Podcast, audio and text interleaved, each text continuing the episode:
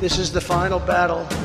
With you at my side, we will demolish the deep state. We will expel the warmongers from our government. We will drive out the globalists. We will cast out the communists, Marxists, and fascists. We will throw off the sick political class that hates our country. We will rout the fake news media, and we will liberate America from these villains once and for all.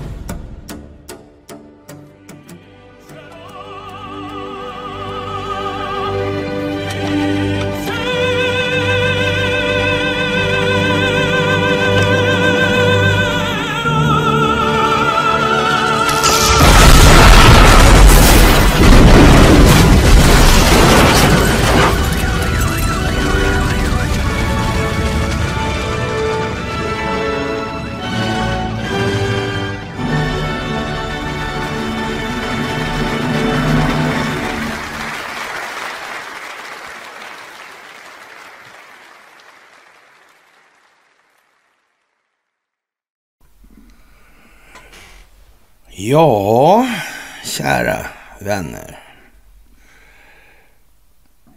Det är en ny vecka. Det är fantastiskt. Mm. Tiden går. Ja. Och folkbildningen består. Och inte bara det. Den växer. Den växer. Och växer. Mm. Människor börjar se. Människor börjar förstå. Metodvalen skiftar. Mm. Gör ju det. Vi skriver den andra juli. Ja. 2023. Det kommer att bli en het juli. Mm. Kanske inte främst meteorologiskt, men mm. det politiska klimatet. Det kommer hetta till. Var så säkra. nya veckor börjar alltid med måndagar. Ja, och måndagarna innebär alltid ett måndagsmys. Fantastiskt! Ja, det är lite udda nu helt enkelt. Historien kommer ikapp. Inte minst skökan Svea och hennes, ska vi kalla det för, lättsinniga inställning till moral och karaktär och sitt förhållande till att beskriva verkligheten kanske, den svenska folksjälen. Mm. Vad sa han? Var det Runeborg det där? Duvan? Mm.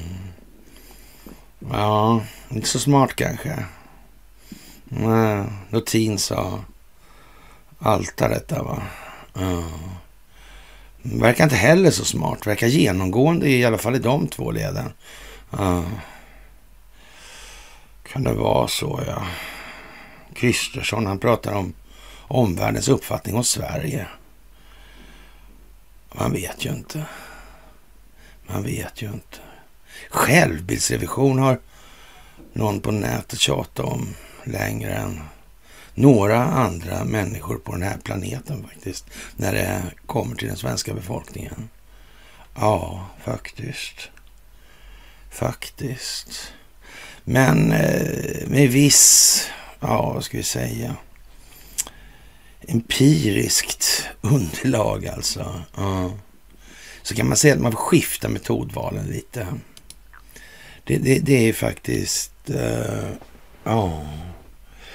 Det är lite så. Mm. Man undrar ju hur det skulle varit om man visste allt från början. Från allra första början kanske. Ja, det hade inte fungerat. Nej. Man får ta det här i steg med sig själv också faktiskt, så är det ju. Men först ska jag tacka för allt ni gör. Mm. Ni är fantastiska och utgör den förändring vi vill se i omvärlden. Det hackar lite här och det gnisslar lite där. Ja. Förståelsen är olika. Mm. Förmågan att se den generella bilden, överblicken, fågelperspektivet varierar rätt starkt. Ja. Många faller tillbaka i det här höger-vänster-paradigmet fast handlar om ett och samma jävla skitträsk liksom. Eller samma fågel med två olika vingar, brukar man ju säga. Ja. Ni ska ha det största av tack för gåvor på Swish och Patreon. Jag tror inte alla begriper riktigt hur mycket det där betyder. Mm. Det är rätt så stora apparater numera det här. Ja, många saker ja. Mm. Ni ska ha det största tack för att ni fördjupar er på karlnorberg.se. Och som vanligt det största tack för att ni hakar på telegramtjänsten. Ja. Underverkens tid är inte förbi. De ja, satelliterna. Ja. De små underverken. Mm. Förmedlar information. Mm. Så är det. Både i stort och smått. Och jag minns för länge sedan hur, eh, jättelänge sedan, alltså typ tio, över tio år sedan, runt tio år sedan i alla fall. Och var det inte det här Svenskarnas parti fanns det ett parti som hette, det minns jag. Ja. Och jag hade eh, en idé om att man måste kunna närma sig de där i alla fall. Liksom. Och, ja, de är ju lite sådär de kunde ju tänka sig att slopa globalismen i alla fall. Det framgick ju sådär. Så, ja, satte de på spår helt enkelt när det gällde pengarna. Och det där gick ganska bra faktiskt. Den här partiledaren de hade då Svenskarnas parti, Stefan Jakobsson. Han tyckte det där var bra. Men jag vet inte fan hur det där blev sen alltså.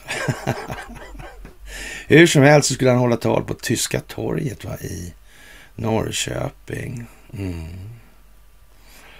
Och eh, ja, han har varit lite duktig då den här Stefan Jakobsson. När det gällde den biten han har varit det var hörde han ett tal där då och tittade på det där. Och, och ja... Hm. 95 procent av det talet handlar just om bankerna och pengarna. Och det gjorde han ganska förtjänstfullt med den tidens mått mätt i alla fall. Mm. Efteråt gick jag fram och gav honom en kram. Det blev nazistkramen. Mm. Det var ju otur. ja, jag frågar vilka ska med då?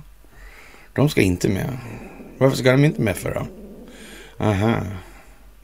Vilka skrek högst? Ja, de som är mest beroende av svenska, svenskarnas parti för sin egen existens förstås. Ja, Expo till exempel. Mm. Mm. Det där var ju konstigt. Mm. Det är mycket märkligt. Men det där bar sig inte bättre då än att det här Svenskarnas parti hade sedermera en eh, liten tillställning. Ja, på Gustav Adolfs torg va? Då var det eh, bangers och avlyst luftrum och drönare och hela Stockholm stod på tå.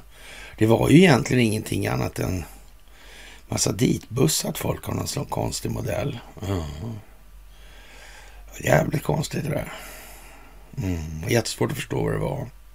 Faktiskt. Mm. Det var märkligt. Ja, så där i Tyskland, eller så tyska torget där. Då, eh, jag kände han, eh, ja, piketbefälet där. Så jag blev alltså insläppt där för att jag hade haft kontakt med Stefan innan så där. Så det var, ja. Och, och inga synpunkter på eh, värderingarna i övrigt och sådär. Men jag tyckte ju liksom att det här är ju en väg i alla fall och jag tar den vägen.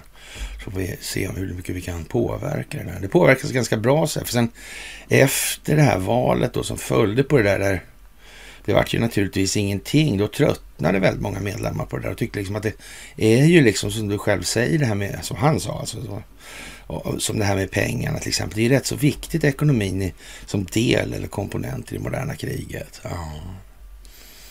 Mm. Sen gick det något år sådär. Och, ja, Svenskans parti la ju ner då. Ja. Men NMR fanns ju kvar. Ja, med Öberg, ja. Mm. Så skulle de ha någon manifestation på Almedalen där tror jag. Ja. ja, vi traskade väl dit då. Och dessutom hade ju då märkligt nog samma gäng som stökade då på gatorna i Stockholm och i Norrköping. De hade en eh, manifestation också där. Det var liksom ett pride-tåg. Ja, konstigt som fan där alltså. Ja. Och Öberg de och hans boys där tog fasta på situationen och började skrika krossa homolobbyn och jag tog mig för pannan alltså. Jävlar. Och, och var väl inte så att jag röt åt han sådär, men ja, med mild stämma, mindre, inte så mild stämma Ja, så sa jag åt honom att komma hit, eller han kom hit och, och så förklarade för du får liksom ta det för det här vad det är nu och titta på vad som är orsak och verkan här nu. Va? Ja, och det här är George Soros finansierat. Det är liksom inte så mycket. Det är en NGO-finansierad verksamhet. Så ta du och belys det istället. Sådär. Ja, nej, det gick inte riktigt bra för det skulle inte så att säga svansen gilla sådär och, och så. Och det här var ju naturligtvis väldigt väl bevakat. Det var ju eh, skockvis med kameror och grejer som filmade mig och Öberg där också. Mm. Det var det ju. Det var bara ett problem för dem alltså. Vi hade mickat. Ja. Och spelade in. NAV. Ja, så det var inga... De skrev då på några håll, där några journalister, att det var jag gav honom strategiska råd. Det kan man i och för sig säga alltså. Men i dagens ljus av verkligheten så var det nog rätt riktigt. Sen var det ju som Öberg sa att han hade inte mandat eller gehör eller så. Ja, det gick inte satt fast på något vis. Några behöver ju de där och så. Mm. Och det där var inte så populärt.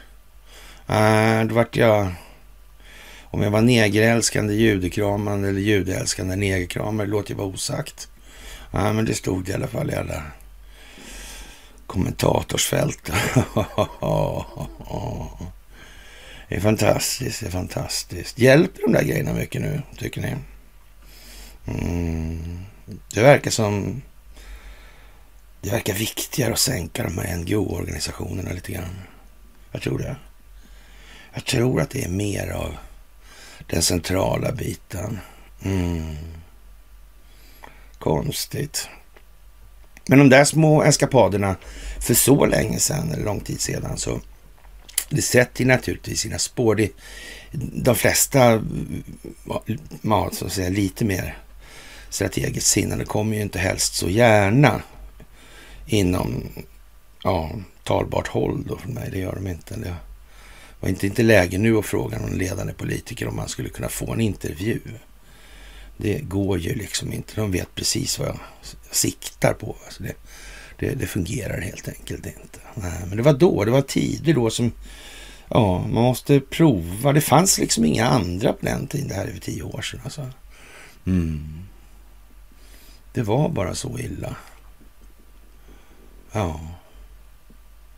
Konstigt. Alltihopa.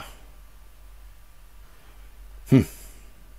Eller kanske inte så konstigt. Det kanske var planerat. Redan då alltså. Mm. kanske var nödvändigt att allting blev så här. Det kanske handlade om folkbildning i grund och botten och det var själva det primära målet med hela grejen. Det handlar om att göra individen mer medvetet medveten för att samhället ska kunna utvecklas.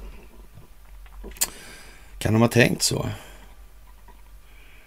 Eller kanske det var, kan vara så faktiskt. Ja.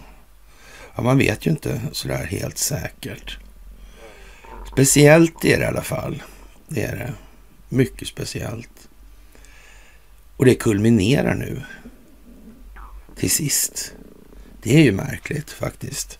Nu är det, nu är det min mag som låter. Ja. Det där är lite märkligt med magen också. Kanske inte heller.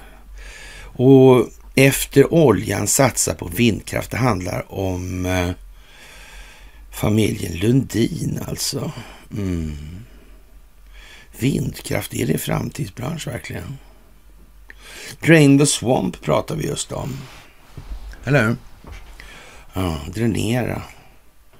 George Soros sparkar jättemycket folk i sin NGO-organisation. Mm. Tänk att det finansieras mycket svarta pengar som tvättas och bidrag och konstigheter. Ja. Det där är märkligt. Men fortfarande går många i den här höger, vänster och den politikern gjorde... Mm. Och glömmer att den här djupa statens perspektiv, ah, det är någonting annat det. Mm, faktiskt. Det är någonting helt annat. Och det här tar sig naturligtvis olika uttryck i olika länder också. Ja, det beror som sagt på hur den djupa staten har lyckats kultivera befolkningen i den meningen, eller hjärntvätta dem om man så vill. Mm. Det är ju så. Det får man inte glömma bort nu. Nej, faktiskt det är viktigt. Och det är klart att har man eh, så att säga sålt sig jävligt hårt alltså karaktärsmässigt i, i det här och, och inte kan ompröva sina egna känslogrundande värderingar. För den sakens skull, för man är lite nervös för vad ska alla andra tycka. Mm, sådär. Ja, det är liksom inget bra att tänka så. Nej. Nej. Man kan aldrig veta vad alla andra kommer att tycka. Nej. Och man kan inte ens veta att de är ärliga när de säger det heller. Nej. Det är svenskt. Så det kanske man ska inte ta så hårt på. Ja. kan vara bra. Och veta varför man tycker som man gör och sen så försöka ompröva det hela tiden så att man hela tiden får en bättre utgångspunkt för sin egen personliga betraktelse av tillvaron. Det kan ju vara bra faktiskt. Jag tror inte man ska underskatta så att säga, den känslomässiga nyttan av ett sådant tillvägagångssätt. Det tror inte jag. Nej. Och i Tyskland då så har man, ja, vill man öppna rum för sexuella lekar på ett dagis? Ja. Och det är klart att med Fritzl-exemplet där är, är ju som det är. Alltså ett dagis i Hannover erbjuder separat rum för att leka doktor. Ja, enligt Bildt. Initiativet förklaras av att barn är intresserade av att studera sin egen kropp och sina kamraters kroppar. Mm. Ja, sexualiseringen. De primitiva känslorna. Det rationella tänkandets salig hädangång. Ja. Primitivt. Mm. Jag undrar, vid den djupa staten, alltså om den föredrar någon disposition framför någon annan i det. Vad tror ni? Jag är inte säker. Nej. Nej. Ja, det där är ju lite eljest kanske. Och de 15 mäktigaste familjerna är ju liksom, ja, Lundbergsfären och Wallenbergsfären och nu är ju Wallenbergsfären inte så lite mycket mer mäktig. Dessutom har de haft en eh, ganska så stark fäbless, alltså känsla för att verka utan att synas. De har till och med satt upp det som sin egen devis då på något vis. Mm. Ja, konstigt. Och de andra är ju på något vis ganska så snävt inkopplade i det här. Några är inte riktigt det. Men om man nu i amerikansk eh, politik eller från de som motverkar den djupa staten har eh, ett modus operandi som går ut på att så att säga minska det ekonomiska inflytandet. Mm för den djupa staten. Då vill det nog till att man vrider kranarna lite grann där va. Ja. det verkar som man tänker det där alltså. Ja.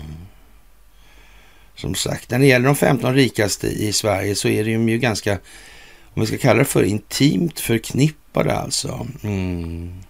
Det består av, och den här listan bygger på tillgängliga uppgifter, inte på de otillgängliga alltså. Nej det är kanske inte stiftelserna främst som redovisas där. Nej. Och möjligen kan det ju vara så att många har sett en fördel i att verka utan att synas. Att det har blivit ett så att säga standard modus operandi eller standardförfarande som beteende betraktat. Det skulle kunna vara så. Rent utav. alltså. Mm. Det är lite av en oligarki alltså. Ja, skulle man kunna säga.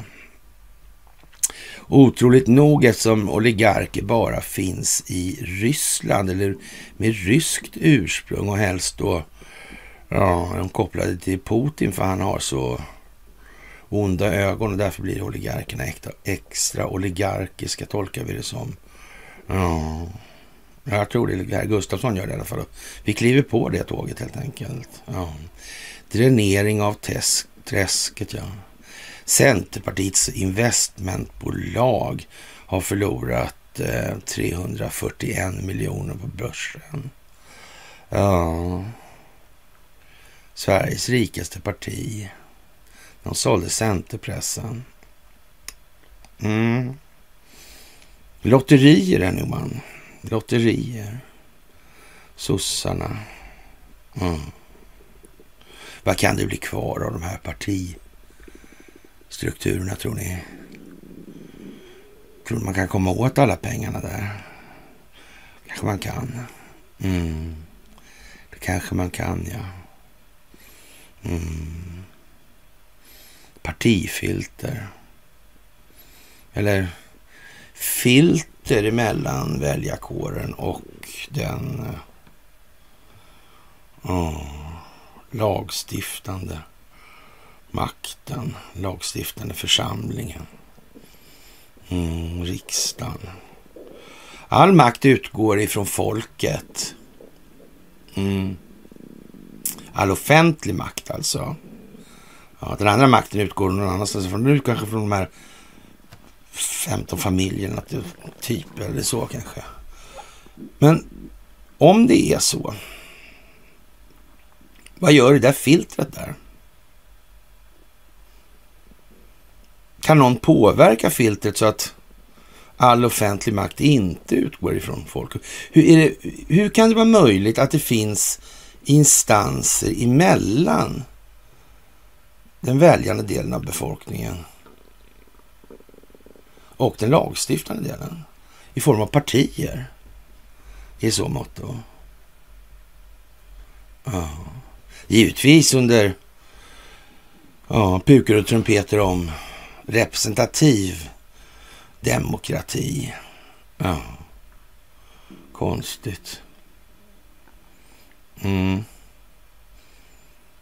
Representativ representant. Representanthuset. Mm. Men det är ju USA det alltså, kongressen. Ja, det är det. Det där är konstigt. Att de har sån här maktdelningsprincip via folksuveränitetsprincip har kungar. De har en president. Mm som är högst upp i den verkställande delen av maktdelningsprincipen. Ja. Verkställande, lagstiftande, dömande delar. Ja. Som ska hålla koll på varandra så att det inte blir korrumperat. Hur fungerar det i Sverige? För konstitutionsutskottet, ja, prickarna, ja. Mm. Man kan ju tycka att de flesta borde se ut som Röda Hund. Va? Och, och jag skulle egentligen inte säga något om de fick en prick tatuerad, en stor rackare. Eller lagom kanske. Jag tror att det är en och en halv centimeter för tror jag. Eh, ja, sådana här blåprickar. Ja, gamla kåktatueringar. I ansiktet. Mm. Varje gång det var något. Och var förbjudna att ta bort de där prickarna. Så. Ja, det skulle i alla fall vara ett steg i rätt riktning, även om det kanske var lite löjligt beskrivet. Ja, det håller jag med om. Faktiskt alltså. Och när oljemiljardären Lundin, han spelar högt och riskerar livstid alltså. Och ironin, och ironin där, det är ju det att eh, han, eh, ja, oh, anklagas alltså för folkrättsbrott efter bolagets tid i Sudan. Och som styrelseordförande i Lundin Oil står Ian Lundin inför rätta med bolagets vd Alex Schneider och anklagas alltså för den här tiden. Och ja, affärsidén var att investera där alla andra tycker att den politiska risken är för stor. Mm. Den är familjen i alla fall kopplad nära till Wallenberg. Lustigt nog alltså. Ja. Och på juldagen 21 dog Eva Lundin 88 efter änka efter imperiets grundare Adolf Lundin. Hon drunknade på den lilla västindiska ön Mystik i ett paradis för kungligheter och miljardärer. Ja, det var ju konstigt. Ja, mm. faktiskt alltså. Och sen dog då, ja, en Lundin Lukas alltså. Mm. Sonen där. Ja. Det verkar ju jättemärkligt allt det här. Tror man, ska man, kommer det bli så att de klarar sig? Det kan ju bli så att de klarar sig, men jag vet inte säkert att det är så att det är samma sak som att de klarar sig. De kanske klarar sig under svensk rättvisa, men det, frågan är om svensk rättvisa är så mycket att eh, luta sig mot. Det är väl en fråga värd att ställa i de här sammanhangen just nu i alla fall. Mm. Faktiskt alltså. Och kan det vara mutor inblandat i det här?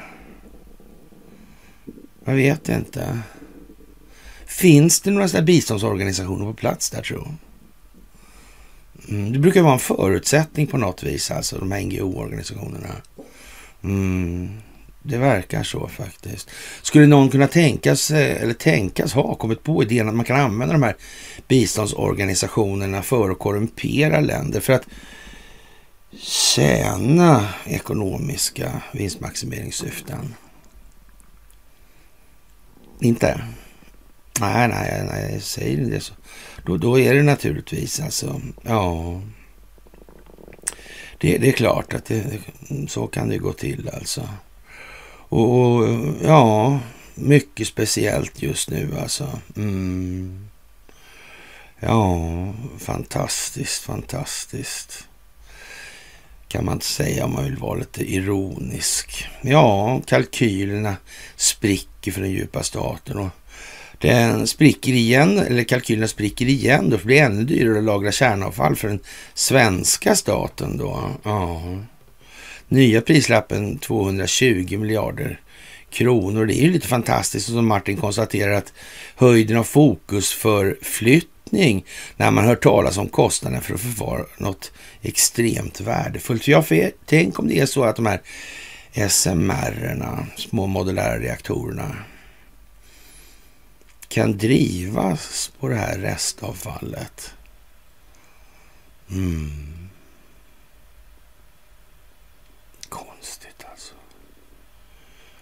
Finns det inte rätt mycket energi att tillgå då utan så blir riskerna med avfallet bra så mycket mindre då i alla fall. Mm, det är också konstigt. Konstigt, jättekonstigt till och med. Och den stora delen av det moderna kriget i det här. Ja, kärnkraften är ju skräckinjagande. Det är ju en del av det här naturligtvis. Ja. Men vad hade egentligen atomvapnet varit utan den mediala uppbackningen för sin egen triumf i skräck? Mm. Det hade inte varit så mycket med det och ingen visste om det va? Inte särskilt många hade varit rädda för det i alla fall. Det tror jag inte. Uh, jag skulle vara svenskar då, men inga andra i alla fall. Uh. Konstigt. Medierna. Informationshanteringen. Ja. BBC Redby. Mm. Ja, det där är lite speciellt. Jag undrar ja, om inte det där är på väg in i ett annat skede. Det är jag faktiskt rätt säker på att det är det också. Mm. Hur som helst så vill eh, SVT och YLE kunna sända varandras produktion av nyheter på både finska och svenska om den i ett land av någon anledning ligger nere, skriver bolagens vd Hanna Stjärne och Merja Yla Antila på Dagens Nyheter Debatt. Rysslands krig mot Ukraina har förvärrat säkerhetsläget även i Sverige och Finland. Beredskapen behöver stärkas och dit hör public services förmedling av information, skriver artikelförfattarna. Det kan man säga att det gör, ja. Mm. Men frågan är vilket narrativ de här stöder. Och de stödde det narrativ som bäst beskrev verkligheten och, och verkade för befolkningens fromma i stort, då är det en sak. Men om narrativet gäller att gynna globalistiska enskilda vinstmaximeringsintressen, då är saken en helt annan. Helt annan. Ja, det är ju lite märkligt. Och, men det visar sig nu lyckligtvis, alltså förstår ni helt utan planering, att det nära samarbetet blir möjligt och både SVT och YLE har svensk och finskspråkiga nyhetsredaktioner samt fördjupade samarbeten inom säkerhet, teknik och produktion. Men det var väl för väl. Finlands sak är ju trots allt vår. Även om inte vi eh, råkar vara med i NATO. Men vi har ju ändå avtal med mm. Mumma. Ja, ja, ja, ja. Ja, så länge media är stacklade, ja, då spelar det faktiskt ingen som helst roll alls ens. Nej, så är det ju. Så är det ju. Och USA, situationen börjar bli dråplig. Det börjar bli för jävla konstigt alltså.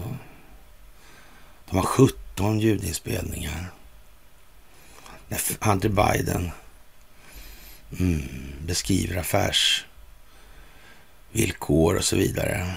Eller affärsvillkor i sina mutsammanhang. 15 stycken. Och så har man två stycken med Joe Biden som beskriver det också. Ja, med sina motparter i det här. Ja, och FBI vill inte kännas vid. Vill inte säga någonting. Konstigt. Verkar lite korrumperat. Mm. Ja, som sagt, det där är ju märkligt alltså. Och han röker crack på film. Och, ja. Kör bil rätt olämpligt också samtidigt. Mm. Lite fort kanske. Ja. Möte med nattfjärilar. Möten med nattfjärilar. Ja. Tänk att inte underrättelsetjänsterna sa inte det konstigt? Det var inte risk att... Men, men om det nu var kinesiska nattfjärilar eller någon annan sorts nattfjärilar. Borde inte underrättelsetjänsterna reagera? I, liksom inte det, kändes inte det lite sådär avigt det här med att, eh, ja, vicepresidentens son men han kanske hade någonstans, kanske han hade något hus. Och vi, han kanske hyrde något rum någonstans med pappa och firman och sånt där va. Mm. Där han brukar gänga de här. Mm. Kanske det kanske ja. Jag vet inte. Det förekommer ju liksom rykten om att det är på det viset. Det, det, det gör det ju. Ja. Kan det vara sant dessutom? Rent utav? Jag vet inte. Nej, det vet jag inte. Ja, om det här är riggat alltihopa. Teatern är iscensatt. Den djupa staten existerar. Det finns krafter som motverkar den djupa staten. Som koordinerar sina insatser i tid och rum. Ja, då ser det ju mörkt ut alltså. Vad ska svenska medier säga? Om det är så. Vem ska tro på dem sen? Ska de behöva svara på frågan varför gjorde ni så här? Ni måste ju rimligtvis ha förstått, vetat.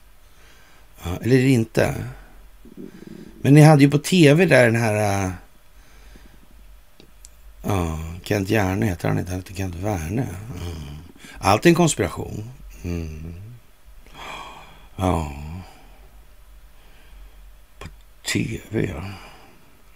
Rikskanal, ja. Ja, tiotusentals människor. Ja. ja, jo, det är det säkert, men mm, långt ifrån någon privat person, utan högsta grad offentlig person. Ja, tack, ja. Det bad jag inte om, men ändå. Mm. Men han måste väl kanske veta att de här familjerna där, det var inte Soros som bestämde det här alltså. Nej, det var någon familj som bestämde över Soros. Just ja. Lundinfamiljen, ja. Bidrag till Hillary Clinton Foundation. Mm. Ericsson. Haiti. Talpengar till Bill Clinton. Mm. Sanktioner. Mm. Det finns ett företag som kallas Ericsson, som Donald Trump. Som kanske kände till det här. Det vet man ju aldrig riktigt hur det är med den saken. Ja, stackars Hunter. Ja, det där är speciellt nu. Rysk politiker hävdar alltså idag att 700 000 eh, barn är förda till Ryssland från konfliktområden i Ukraina. Och Grigori Karasjin heter han som leder den internationella kommittén i det ryska överhuset Federationsråden. De senaste åren har 700 000 barn funnit en fristad hos oss på flykt undan bombningar och beskjutningar i konfliktområdena i Ukraina, skriver han på Telegram. Ukraina bestrider de ryska påståendena om att barnen flyttas för sitt eget bästa. Kiev anklagar istället Ryssland för att olagligt avlägsna minderåriga från sina hem. Oh, barnhandel, ja. Haiti, mm. konfliktzoner, Sudan. Mm. Flyttar de några familjer där? Kom det bort några barn där? Är det standardförfarande som modus operandi där kanske möjligen i de här sammanhangen? Kan det vara så? Ja, det är lite otrevligt det där. Den fjärde har väl en liten filmsnutt premiär fick jag höra. Nej, det hörde jag för miljoner år sedan. Men ändå alltså. Mm. Det där avlägsna mindreåriga barn från sina hem. I Sverige har vi de här fina barnhemmen. Ja. En lång tradition. Barnhemsbarnen. Mm, redan då. Ja, innan dess fanns det ju inte medial täckning på det annat sätt. Så det börjar ju ganska tidigt där med de där 50-talet där. Mm.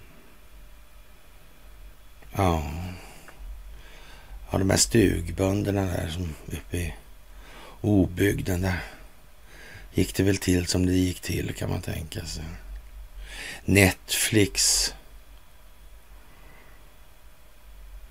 Börjar sända Mobergs Utvandrarna och nybyggarna nästa vecka. Ja. Han var med i den pelarorden med Moberg. Den där eh, rid i natt, ja budkavlen går. Ja. Vi har en sån bild av Johanna. Faktiskt, den hänger där uppe. Mm, det ser inte ni. Mm. Det är speciellt. Undrar varför vi... De här bilderna hela tiden är sådär liksom. ja, det kanske är lite eftermäle. Vem vet vilket avtryck det här kommer att göra. Mm. Så är det. Men måste man också tänka på det här med sköna dollarn, kyskets bälte höll jag på att säga, men då tänker jag på Roosevelt då. Men jag tänkte inte på Franklin Delano Roosevelt. Nej, det gjorde jag inte. Jag tänkte på Eleanor Roosevelt. Mm. Det här med idéer, visioner, tankar kring det. Och kanske händelser på en lite lägre nivå, kanske på en ännu lite lägre nivå fastna i det här med individerna och kanske strunta helt i den strategiska analysen bakom motivbilden möjligen alltså. Ja, konstigt. De vill hålla Ja, de vill hålla befolkningen på det här låga planet, på individplanet. Det är bättre. Alltså den här polariseringen är fantastiskt bra på det sättet. Det är ju det alltså. Och, och man undrar ju ibland faktiskt om inte man är utsatt, eller jag är utsatt i alla fall, jag undrar det ibland. Vilket är en jävla eh, retorisk fråga då. Därför att det undrar jag faktiskt inte. Jag tror, det tror fan det är att de mäter tåligheten i det där. När blir man förbannad liksom? När pallar man inte hålla på med de här korkade persondiskussionerna längre? Nej. Man kan liksom se hur tydligt som helst att ur ett generellt perspektiv att så här måste tågordningen se ut. Va? Utifrån händelserna så måste följande intressen ha verkat i akt och mening med ett givet syfte. Mm. De satt inte bara slappt med munnen hängande. Uh, vänta. Nej, så var det inte. Varför håller jag på att säga jag vet inte hela tiden? Gillar jag det där med jag vet inte? Nej, det gör jag inte det faktiskt. Jag gillar att ta reda på saker faktiskt, även om det inte verkar så. Mm. Och framförallt så gillar när andra tar reda på saker. Och jag ser hur det för mycket framåt. Samförståndet mellan människor växer på grund av att människor engagerar sig själva i att söka och ta reda på olika grunder och förutsättningar till olika narrativ. Mm. Det kan vara bra att fundera lite på nu, känns det som. Det verkar vara sådana tider då. Och tyvärr i de här sammanhangen för de här oligarkerna så vart det en liten missräkning för AstraZeneca. Och 110 miljarder gick upp i rök alltså. Det var ju tråkigt. Mm. Tänk att det blir så här alltså. Oturen. Turen är ju som alla vet när omständigheter kommer till förberedelse. Men den här oturen att de har så dålig planering. Att de inte har lyckats förutse. Att de inte har lyckats med förberedelserna. Mm. Det är ju konstigt. Det är slumpen, det är slumpen, det är slumpen. Ja. Pilutta kan man säga då verkligen. Ja, det är sant alltså. Och som alltid då de här halva eller 95 procents beskrivningarna som brukar säga. Då. Det är de där fem procenten som brukar gnälla på att Andreas Cervenka aldrig har med, inte hade nu heller. Så det är bra med det alltså. Han får säga lite till bara, men ja.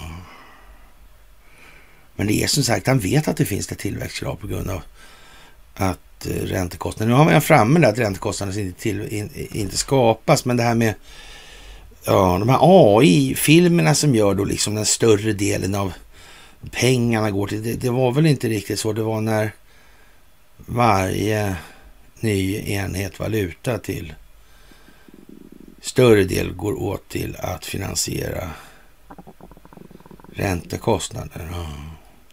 Annan valutas räntekostnader. Mm. När existensen av pengarna i sig själva innebär en större finansiell belastning än produktiv nytta. Mm. Men det där är ju liksom, ja. Och, och som sagt, det, det, ska göras tydligt. Det här är ett folkbildningsprojekt och då, då blir ju vi lite ja, vad ska vi säga, inte kusinen från landet blir vi ju inte, utan det blir någonting annat, någonting udda, någonting farligt, obehagligt, obekvämt. Folk vill ha sina invanda föreställningar som ledstjärna och mall för sina egna tankar. Det är inte bara så släppa då för ja, folk som har gått i det träsket hela sina liv. De ullstrumporna kanske. Mm. Mm. Hur var det där med Mobergs tiden där? Utvandrarna och nybyggarna. Mm. 1800-talet. Hur såg eh, penningpolitiken ut? Mm. Hur såg den ut innan? Hur såg ingångsvärdena ut från, låt säga, som av en slump, ja, vi kan säga 1809. Mm. Av någon konstig anledning väljer jag det. Inte minst med avseende på kanske på det amerikanska statsskicket. Kanske det. Ja, jag undrar vad det ska bli av allt det här. Eller också gör jag ju inte det. Eller också undrar jag inte det så mycket. Man kan säga så här att jag faktiskt har allt svårare för varje dag som går att se ja, hur det inte ska bli. Det kan snart bara bli på ett enda sätt nu. Ja, det är ju märkligt. Det är märkligt det där alltså. Och Eh, ja, Aftonbladet eh, går ut med att Sverige har blivit en hökarnas högborg. Har gått från att vara fredens försvarare till det mest krigshetsande landet i Europa. Oh. Sweden has become a stronghold of hawks, has gone from being the defender of peace to the most warmongering country in Europe. Jaha, i Aftonbladet. Inte det konstigt? Mm. Men hur var det då? Hökarnas högborg. Ja, hö, hö. ja. Hur var det förut då? Ja. Det är ju konstigt. Var, var det så då som man säger? Var vi liksom eh, ja, fredens försvarare? Såg omvärlden på saken som det? Var det gällande förutsättningar att det verkligen var så? Ja. De kan hade glömt bort stormaktstiden för sig. Det kan de ju ha gjort. Det behöver, kan, behöver inte vara i minnet på befolkningen. Om de ändå hamnade under stormakten som gick under jorden bara så var väl det ganska viktigt att se till att det här måste vi stöpa om. Annars kommer de kunna nosa reda på var skiten började någonstans. Vad säger polackerna? Ah, den svenska syndafloden. Mm -hmm. Freden i Västfalen 1648. Nationalstaten. National betyder inte det folkstam egentligen? Och på något vis. Det är ett stambegrepp alltså. Ah. Stat. Hm. Blod och jord, ja. Undrar vad som ska vara den bärande delen av en konstitution, en konstitutionell grund. Ja. Det måste nog vara... Landytan måste nog ses som mer beständig än människan, trots allt alltså. Ja.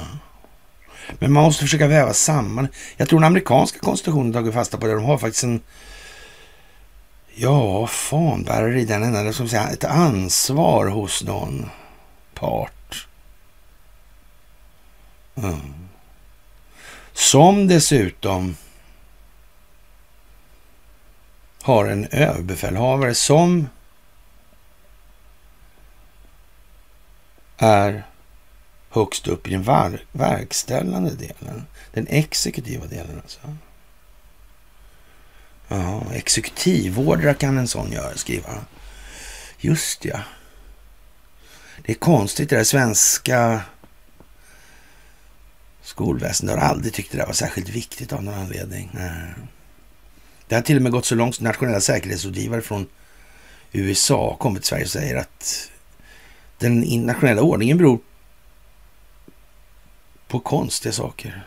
Det handlar om det svenska, om det svenska rättssystemet. Ja, just det. Robert O'Brien där. Mm. Kanske någon har planerat. Om man ska motverka det här, om vi säger bara leker med tanken, vi går inte tillbaka till rökstenen och det, vi stannar lite grann där vid stormaktstiden och sådär. Ja, men man måste väl ändå ha någon form av planering som så att säga undandrar grunderna för förekomsten av det här vi sitter i eller står inför, vilket man nu vill. Ja. Om man vill skapa en varaktigt hållbar förändring för utvecklingen av samhället. Ja. ja. Det där är ju mycket, mycket märkligt alltihopa alltså. Ja, faktiskt. Mm. Och ja, jag vet inte. Var femte överskuldsatt har försökt ta självmord. Oroväckande siffror. Mm. Det kan man väl säga är lite deprimerande. Men om pengarna är det viktigaste i tillvaron för människor, är det förvånande då? Uh.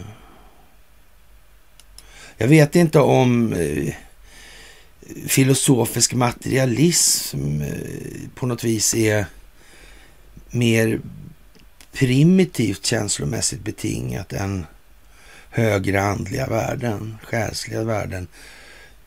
Utveckling av moral och karaktär.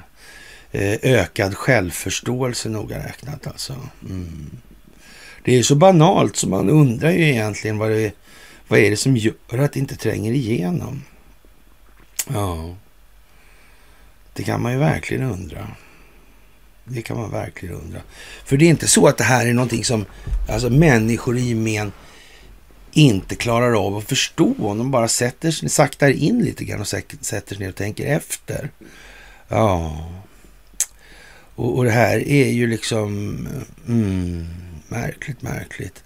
Vi kan se det från 30-talets ekonomiska krasch till 2008 års krasch, till stormen Gudrun, till Koviotin, elkrisen. Att eh, förtroendet övergått i en sekteristisk fanatisk kult, att individer ser sig själva som någonting utan livsvärde. Ja, och, och utan då sin plånbok. Alltså det är bara allting alltså. Mm.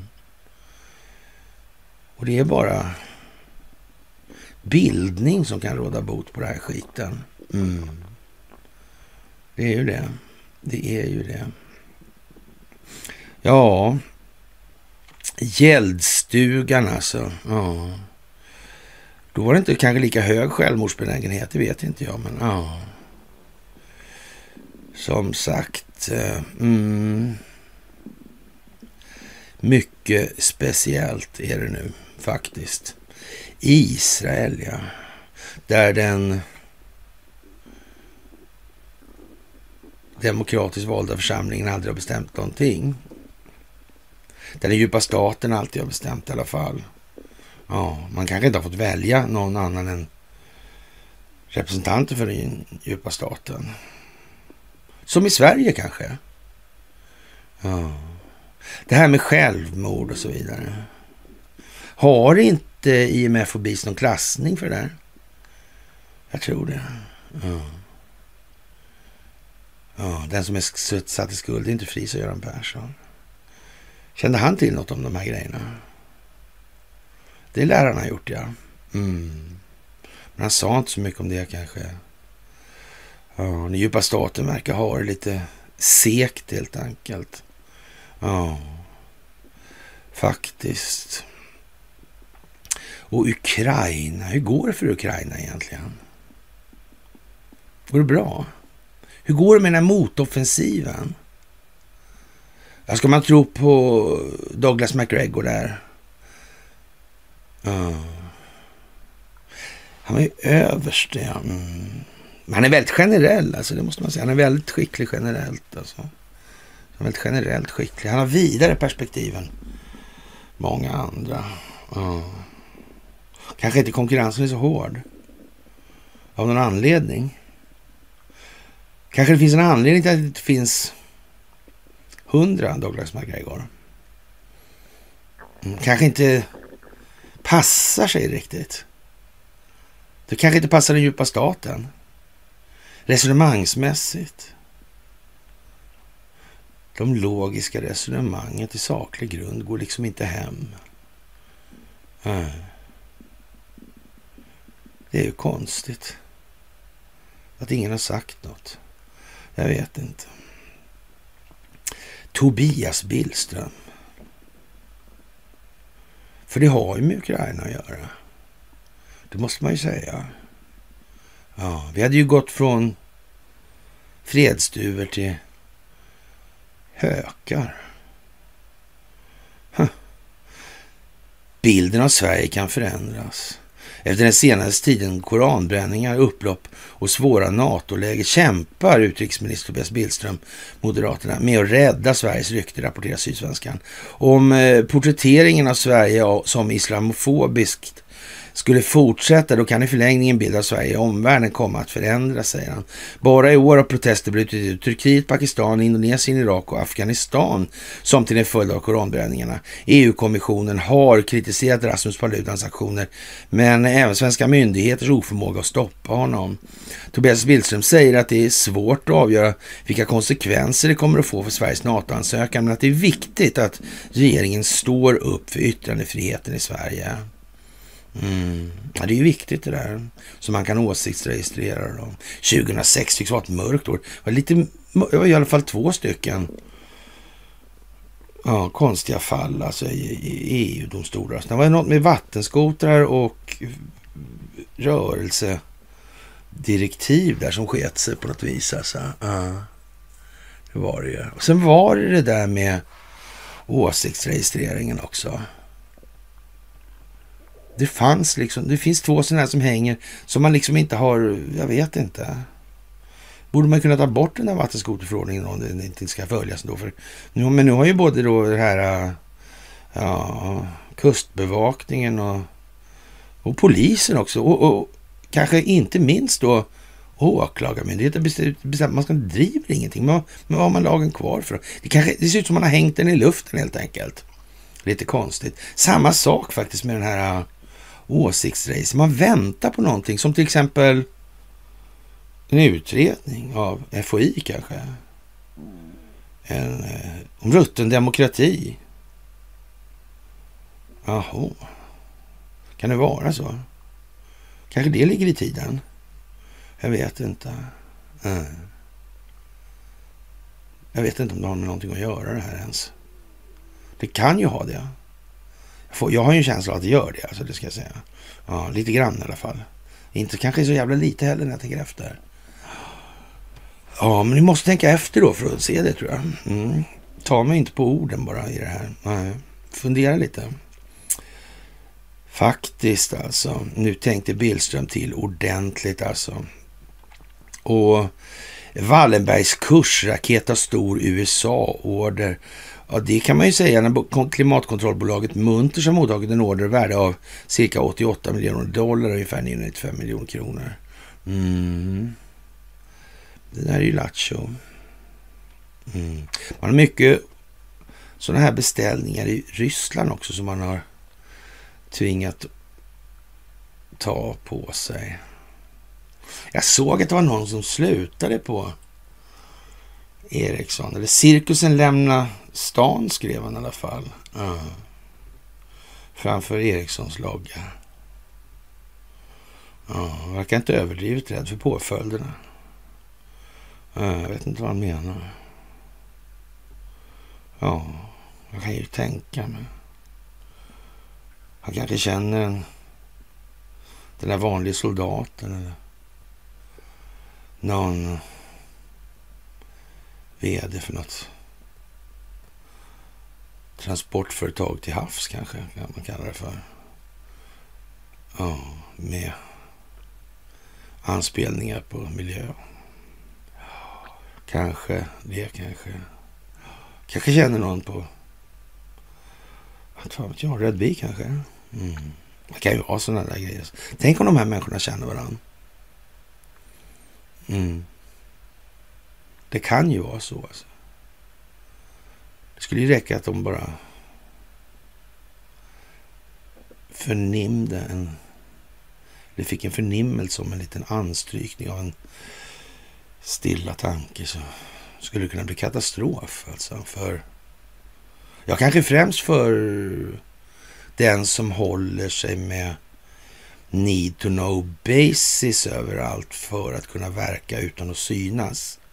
Då skulle sådana där möjliga genombrott var rent åt helvete katastrofala. Mm. De här som motverkar den djupa staten. Har de letat efter sådana möjliga kombinationer tro? Skulle man kunna liksom tänka sig att eh, jag tror vi gör på det mest effektiva sättet. Att det kanske verkar vägledande framför att eh, vi gör något, bara vad som helst och så ser vi vad som händer. Det kan ju vara det ena eller det andra, det kan jag ju hålla med om. Alltså, men ja, ibland måste man ändå vara lite så att säga, ärlig mot sig själv. Vilket är det mer rimliga och vilket är det mindre rimliga kanske? Ja, här, det är ju så konstigt allt sånt där så man, man blir alldeles förvirrad alltså. Mm. Eller också blir man ju inte förvirrad. Eh, det är konstigt alltså. Man skulle kunna säga att eh, man behöver ju inte vara dum i huvudet bara för man har varit dörrvakt alltså. Det verkar inte alls vara fallet. Det tycker jag snarare är tvärtom alltså. Ja. Och eh, det är ju surt värre. Och vad beror det på för den djupa staten då? Jo, det beror just på det där alltså. Det är infiltrerat. Något så ända in i helvete. Och vet ni vad? Man har inte ens talat om det för den djupa staten. Nej, det har man inte gjort, nej. Så dumt. Ja, faktiskt alltså. Och eh, Donald Trump, han är ju numera på en, ska vi kalla det för, mera öppen bog. Så att säga, eller seglar öppen vind skulle man nästan till och med kunna säga. Han seglar undan vind nu alltså. Och eh, allt sedan den 3 november 2020 då den djupa staten störtade den lagligt valde presidenten och regeringen aktiverades militären och tog kontrollen alltså. Och det är Donald Trump som är då den krigstida presidenten. Och eftersom det är militären som styr det här så befinner sig USA i krig. Och var lämnar det Sverige? Och kanske framför allt, var lämnar det svenska medier som inte kan räkna ut det? Mm ser det ut som att, givet då att det här har någon bäring på verkligheten då, det kanske det inte har, men, men hypotetiskt då att det har bäring på verkligheten, vad lämnar det egentligen det svenska mediala kollektivet? Vad är deras uppgift nu? Det tycks ju vara att framställa sig själv som nians jävla idioter. Kan det vara så rent utav? Kan det behövas för att folk ska förstå att de är grundlurade, att de har blivit lurade hela livet? Ja. För det måste väl ändå säga så här i informationsandelen så brukar vi ju säga att det är liksom till exempel lite utbildning, skolväsende och så vidare. Och sen har vi ja, medierna då, litteraturen, mm. språkvården. Ja. ja, det här är förargligt alltså. Det är ju mycket förargligt. Så allt vi ser är en show och det är dags för människorna att så att säga höja sitt medvetna medvetande och inse att man faktiskt måste kämpa för frihet. Man kan inte hela tiden strunta i sin omvärld och ändå tro att friheten består, att andra kommer att kämpa för deras skull. Alltså, det går inte. Är man inte beredd att kämpa själv, ja då lär det bli som det blir också. Och, och det tror jag man ska komma ihåg i det här läget. Och där är stolen som låter i alla fall. Ja, Trump hade kunnat aktivera militären och, och så att säga, kört det här B-skådis-caset och arresterat alla som begått förräderi och städat upp i USA rent hypotetiskt skulle han kunna ha gjort det. Alltså. Och, och, en sån åtgärd, det skulle se ut som en militärkupp rakt av. Alltså, det finns ingen opinionsbildningsmässigt hållbart i ett sånt beteende. Har man opinionen med sig så har man den med sig och kan göra vad man vill. Har man den inte med sig så kan man inte göra någonting. Alltså. Han hade åkt ut, de hade kunnat uppvigla mot honom hur lätt som helst i det caset. Mm. Och försökte han trycka ner dem med våld hade det bara blivit värre för honom själv. Det går inte. Det måste komma inifrån nerifrån. Mm. Men nu är det utsträckt så långt det bara går. Nästan i alla fall. Lite till går det. Det går ja, någon månad till. Mm.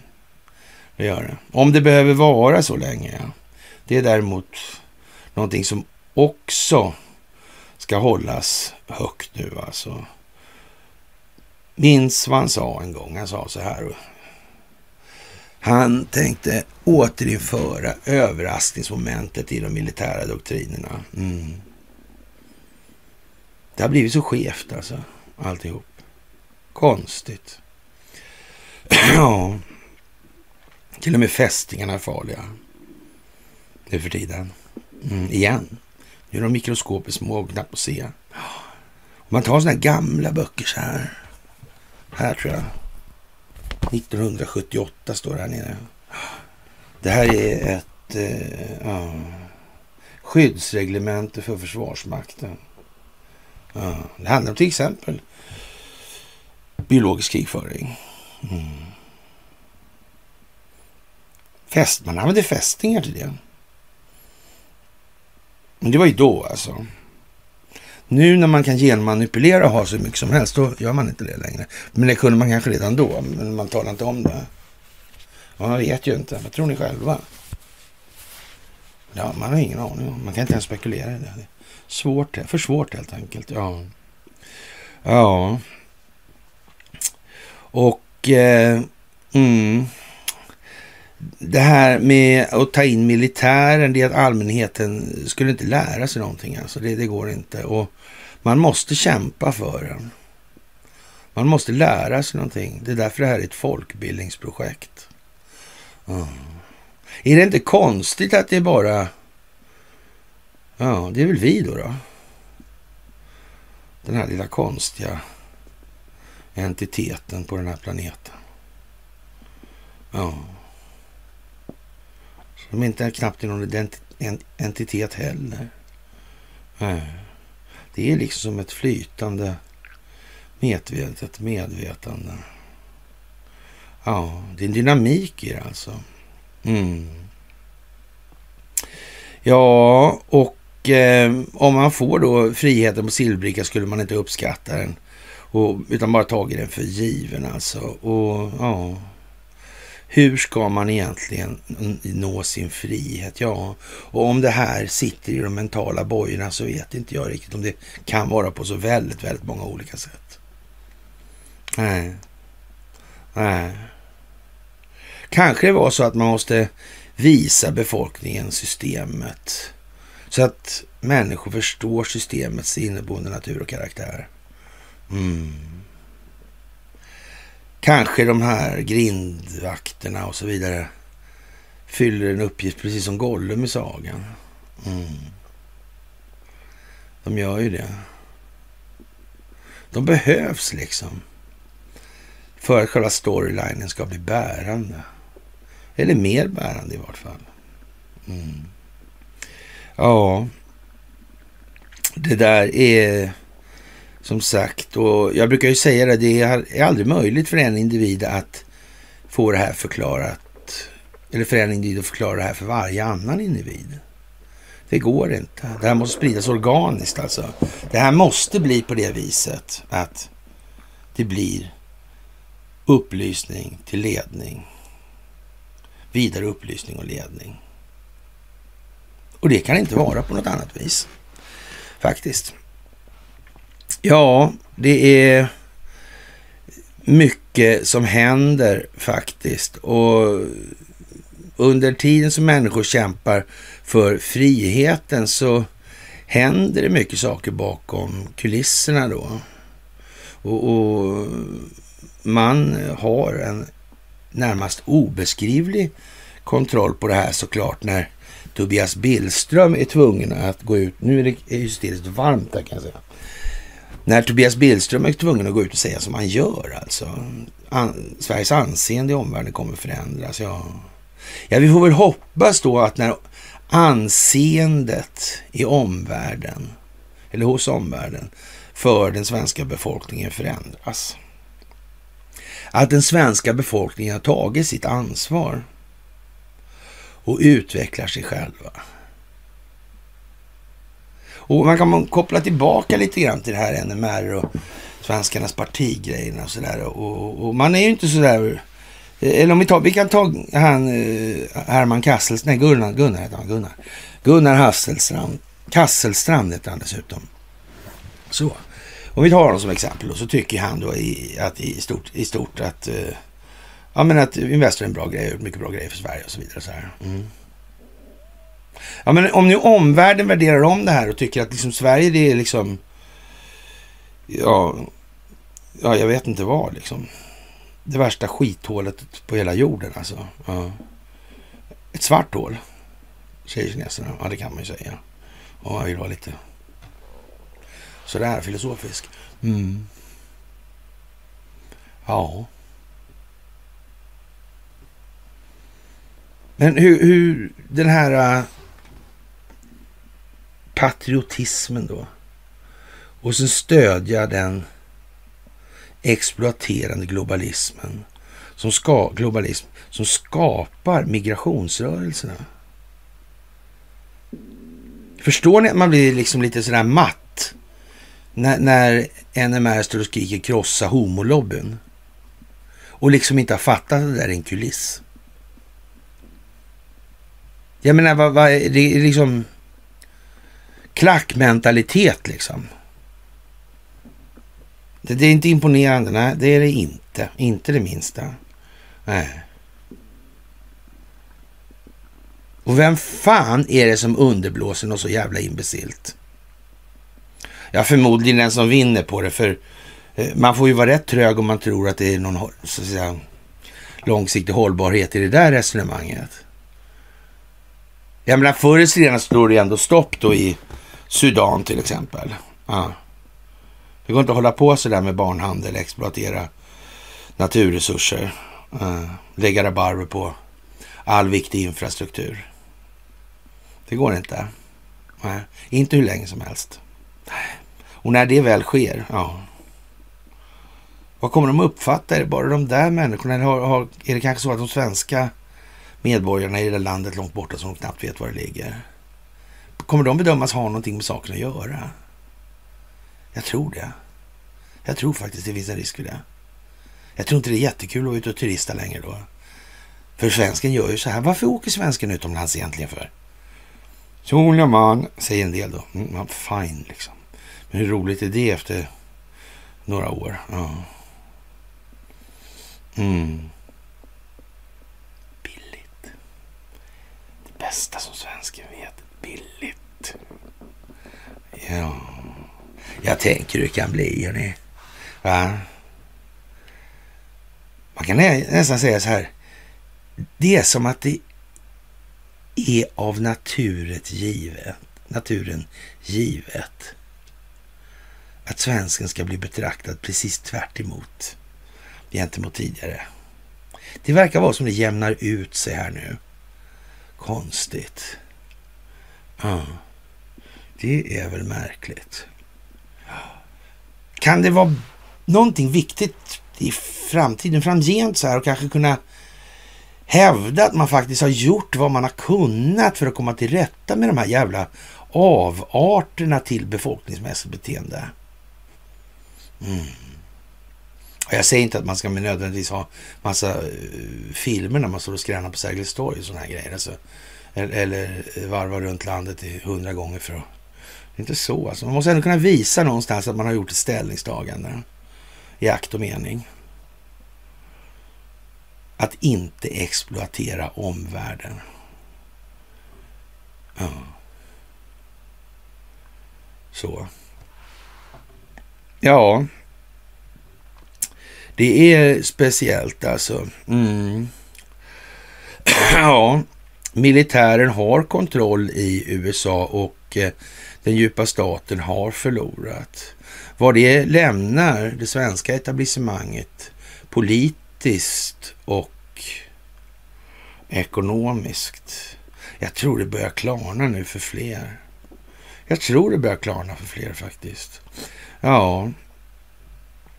Och den här tillställningen eller showen då är till för personer som ännu inte har eh, vaknat upp då, stigit upp till den högre dimensionen. Nej, nej, men vakna, men alltså, ja, ni vet. Ja, personer i familjen, vänner, ja, alla som inte har sett vad som pågår alltså. Mm. Och det är de här personerna som ska bli arga nu och de ska säga till och, och vi måste faktiskt göra något. Vi kan inte tillåta att det är så här längre. Nej. Ja, att försöka på, tvinga på folk saker så här och minska människors frihet. Mm. Begränsa hela tiden. Ja, viljan till frihet kanske. Friheten är det viktigaste vi har alltså. Mm. Handlingsfriheten. Har vi ingen handlingsfrihet så har vi ingen val. Nej. Som sagt, mycket är i rörelse. Och vi vet att den djupa staten eh, försöker då eh, på något fan löjligt sätt, men egentligen så är det ju inte så att de försöker. De gör ett till synes, till synes försöker göra i alla fall, starta tredje världskrig där. Och ja, folk måste alltså upp på tå. Folk måste engageras känslomässigt. Är det så att de kan skita i det utan någon som helst förändring, upplevd förändring i alla fall. Upplevt kommande förändring kanske jag ska säga till och med. Ja. ja, då kommer de att skita i det också. Det går inte. Den amerikanska befolkningen kommer aldrig acceptera ryska robotar som flyger över amerikanskt luftrum och territorium. Sen om de inte skickar med, ner någonting eller bär med sig någonting, eller, det spelar ingen roll. Det kommer aldrig, aldrig någonsin accepteras.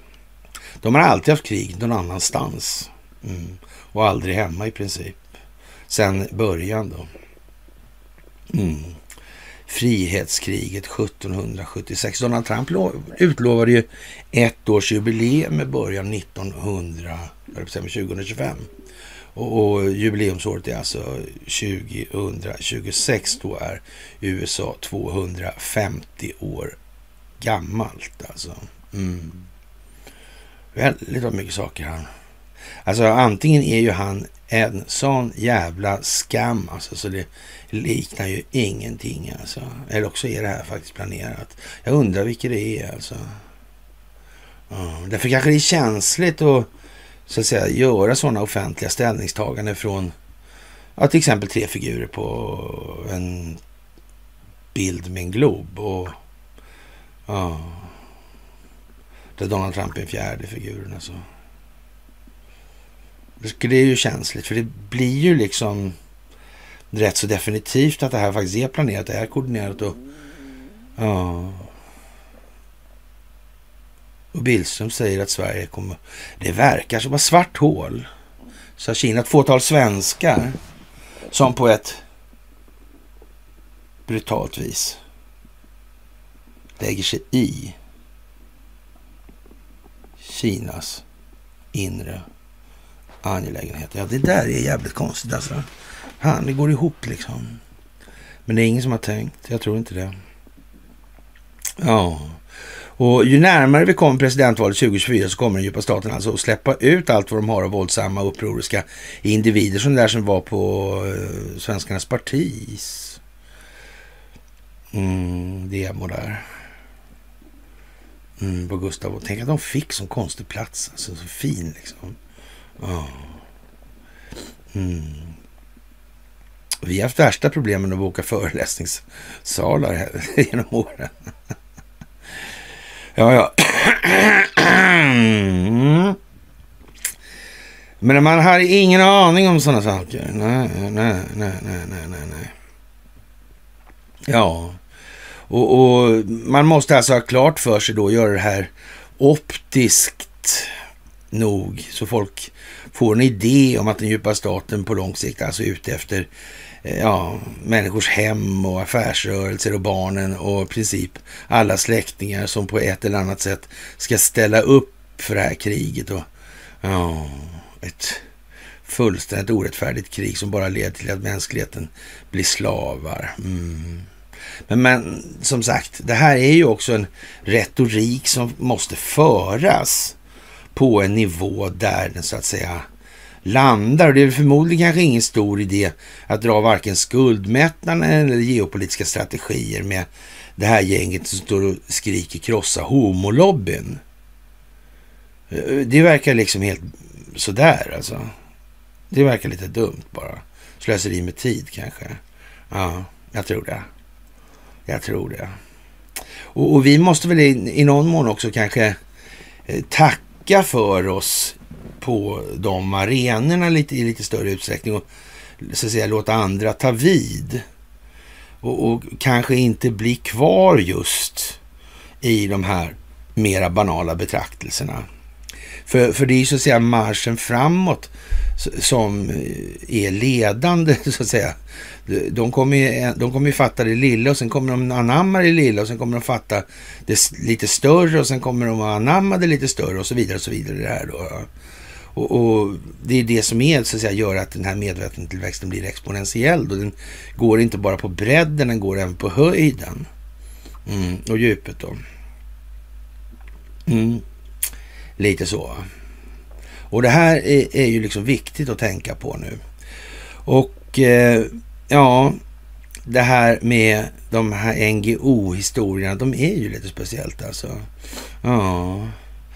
Och under valet 2020 så använde man alltså den här pandemin som medel för att fuska till sig val. Man vill använda poströster och såna grejer i USA då på ett helt annat sätt och till en helt annan omfattning. Och ja, och för valet 24 kommer man använda det för att störta, störa motståndaren Donald Trump med alla upptänkliga medel. Och man ser hur man bullar upp för det. Men som sagt, överraskningsmomentet måste ju komma som en överraskning också. Ja, så är det ju. Mm.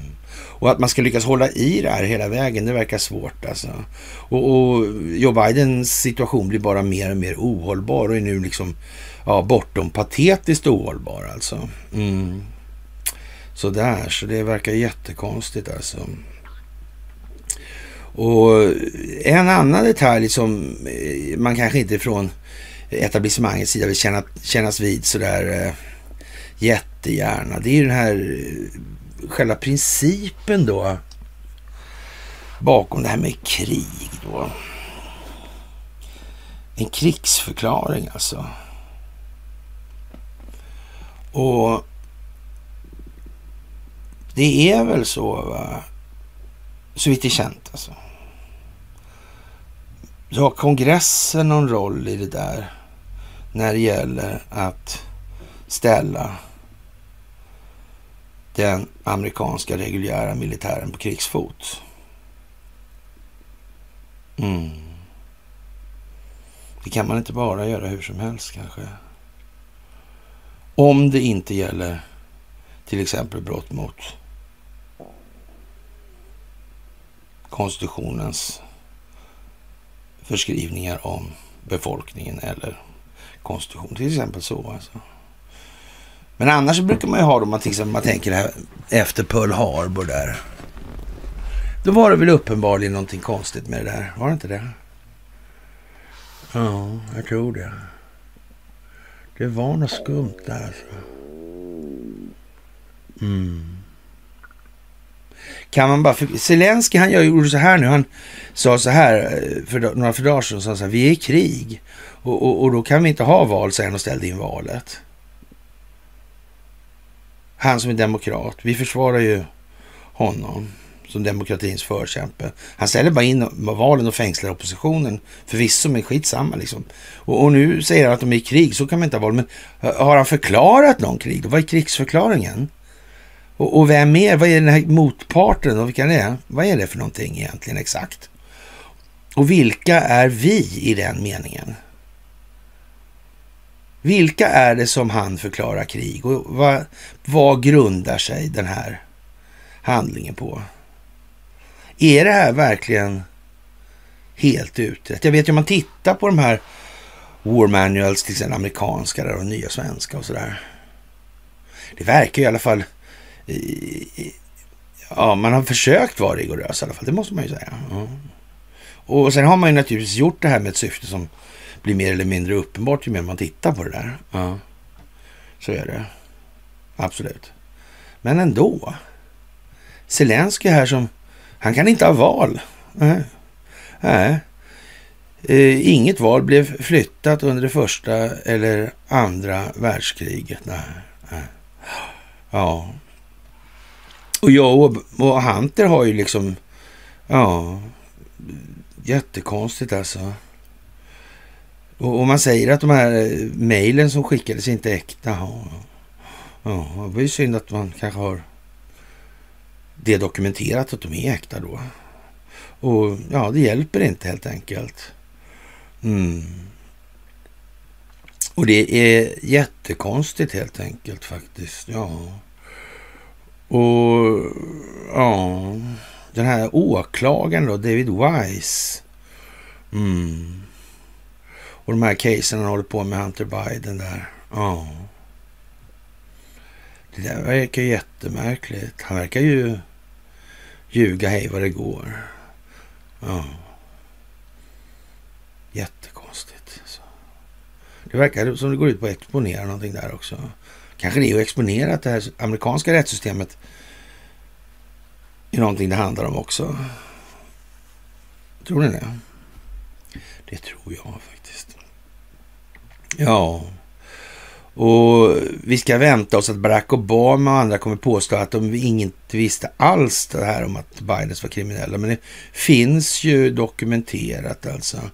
Och ja, Robert Kennedy Jr. han kommer inte att bli nominerad av DNC. Alltså nej, det finns inte på en karta ens alltså. Eh. Men Michael Obama kanske det är. Hur fan påverkas egentligen den här Pride? Eller som eh, Öberg gängen skulle säga, homolobbyn. Hur fan går det för dem då om det kommer fram att presidentparet var lite gayigt liksom? Och hur går det med hela formalian rent juridiskt sett? För vad som har varit då. Stämmer allt det här verkligen? Ja löften inför Gud och närvarande församling. Jag vet inte. Verkar inte det lite konstigt om man har sagt så? Tar du denna kvinna? Jag kanske uppfattar som Michael kanske uppfattar som kvinna. Det vet ju inte jag. Det, det är väl så naturligtvis. Så det, det, får man väl se. Men frågan är hur man det, det rent opinionsbildningsmässigt får för effekter alltså. Kan det bli riktigt bra? Man skulle kunna säga att det skulle vara en grej, bra, bra grej att spara så här till ganska sent på slutet. Man skulle kunna säga att det skulle kunna tänka sig att de mer konservativa demokraterna, eh, alltså ungefär som eh, gammaldags sossar eller sådär, kanske inte skulle vara sådär överdrivet förtjusta i, i själva uppenbarelsen. Och kanske inte just det faktum att det var liksom, men varför dolde man det i så fall då? då? Verkar inte det lite fräckt? Varför har man liksom inte sagt som det är? Om det är så alltså. Det verkar ju bara korkad strategisk metod liksom. Ja. Jättekonstigt. Det tycker jag verkar. Ja, speciellt alltså. Ja, faktiskt. Och George Soros går som sagt lite risigt nu. Man har minskat personalen med 40 procent alltså efter att George son Alexander har tagit över. Och anledningen till att det skärs ner från 500 anställda till 300 är att det börjar bli brist på pengar i organisationen. Ja, kongressen och republikanerna har makten och beviljar inte pengar hur som helst längre. Det gör att det pengaflöde demokraterna alltid sett till tidigare och som bland annat George Soros bolag har levt av är strypt alltså. Mm. Och det här kommer alltså gälla för andra NGO-organisationer, WHO, VF och så vidare. Så här. Och hur går det då med de här mutorna som UNHCR och eh, Unicef och Sida och Röda Korset och de här håller på Men Hur går det då? Oh. Var det inte forskare häromdagen? Jo, det var det. Jag tror, jag, kommer hinna, jag tror vi hinner dit ner i alla fall. Kanske i alla fall hinner vi dit. Mm. Faktiskt, som tyckte att det här med... Det handlade om biståndsforskning. Va? Oh, 606 stycken. Lustigt, det fanns ett fel där. Ja, fel 666 kan man faktiskt söka på. Mm, som sagt alltså. Ja.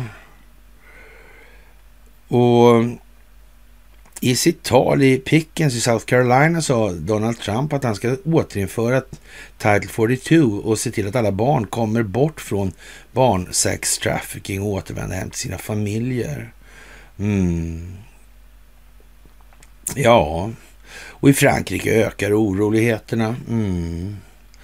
Och ja, Daily Telegraph skriver att polisen kämpar mot ohyran och upploppen sprids över hela landet. De som protesterar är alltså ohyra.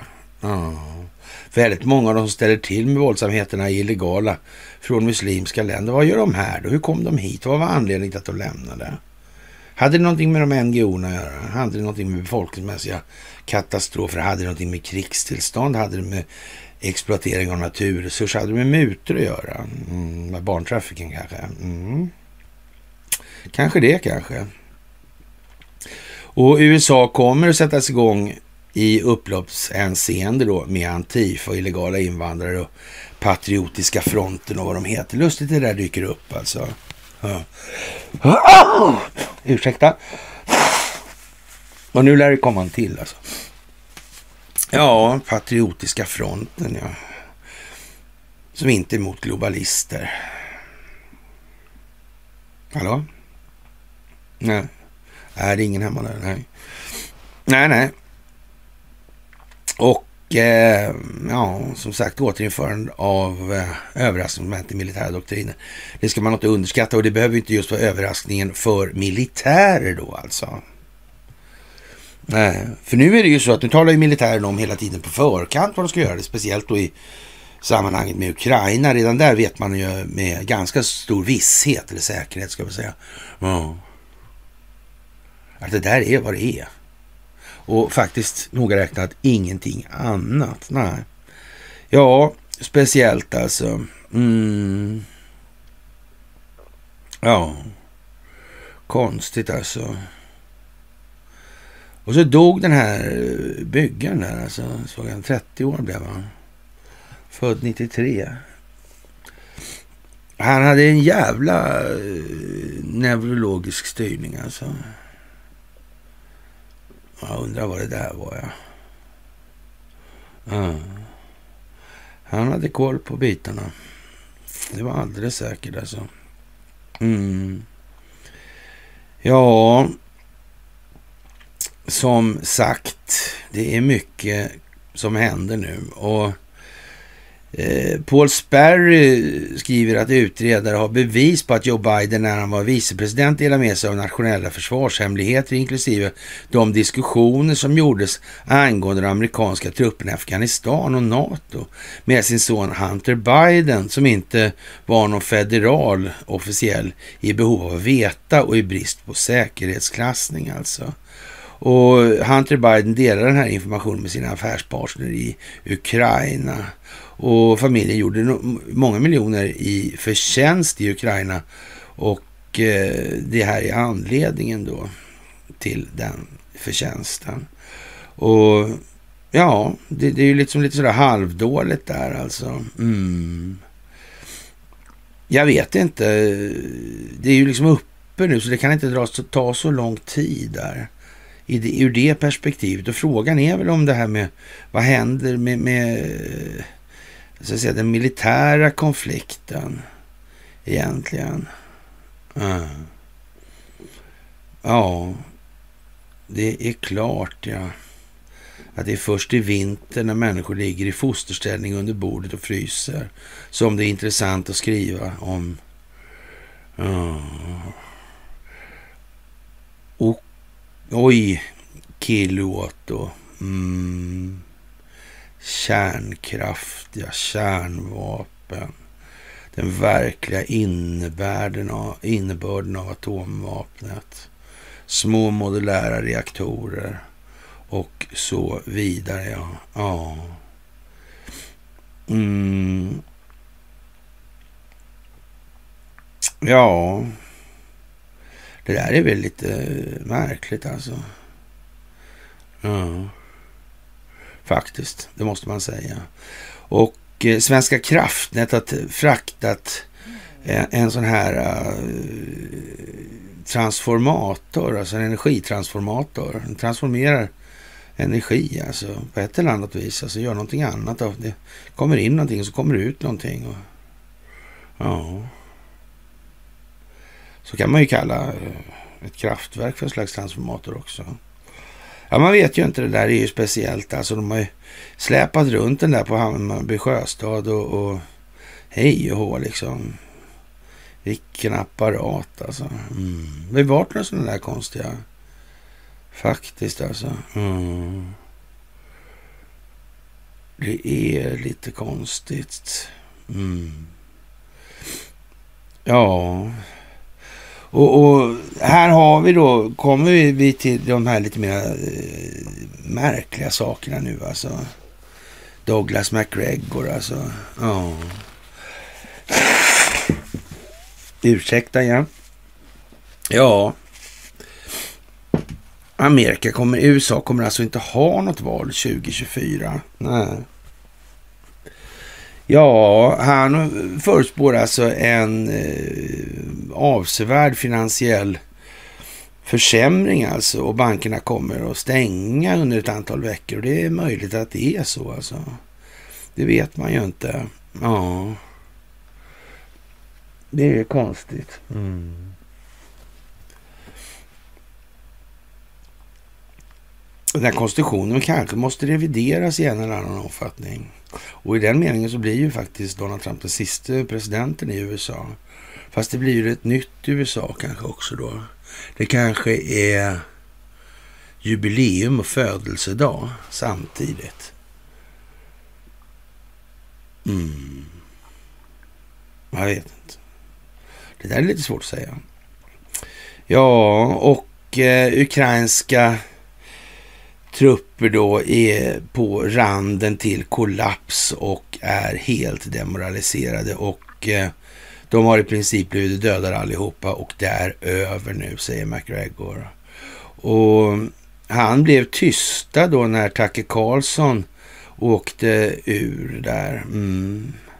Och nu har han eget Twitterkonto igen. Och det kan man väl uppmana till att följa då. Mm. Ja, vad ska man säga? Det börjar ta rätt så speciella yttringar det här alltså. Får man tillstå. Och eh, Orban och eh, Morawiecki säger så här. Om EU tar in migranter, låt dem inte stanna hos oss alltså. Mm. Ja, jag vet inte. Vad menar de? Vad menar de alltså? Mm. Warszawa, Budapest. Ja, konstigt. UNHCR i Kalla fakta. Det är ju märkligt. Märkligt, märkligt, märkligt. Och den största faran för världens säkerhet nu i USA, säger en amerikansk utrikespolitiker. Mm. Det är jättekonstigt ju. Ja. Faktiskt. Mm. Richard Haas och eh, han har alltså varit US Council of Foreign Relations ordförande alltså, eller president. Ja, två decennier. Det är liksom ingen småspelare. Han låter inte exakt som den typen som skulle uttala sig så. Om man inte var kraftigt jävla tvungen helt enkelt. Mm. Frankrike brinner. Makaronen. Hans krokar går inte hem helt enkelt. Mm. Le Pen leder i opinionsmätningarna. Ja, konstigt. Filmen i Aftonbladet. Här går ryska soldater in i, i sin egen minfälla. Ja, det blir bara bättre alltså. Mm. Faktiskt. Barbro Enbom. Mm. Mm, speciellt. Barbros finest, ja. Mm. Hm. Det där är ju som det är. Elon Musk. Mm. Mark Zuckerberg. Ja. Barack Obama och Michelle Obama. Mm. Ja. ja, det är ju som det är faktiskt. Och som sagt, eh, yvigheterna är ju naturligtvis vad de är också då. Och ja, vi får väl se. Det kommer ju visa sig om Bill Barr är en skitstövel eller om Mike Pompeo är en skitstövel eller om eh, ja, de inte gör vad de ska helt enkelt. De är bara gangsters. Mm. Kanske ser det konstigt ut om alla... Det kanske inte går att hålla igång det här spelet folkbildningen kan upphöra. För blir det inte lite samma sak då om det är helt givet allting?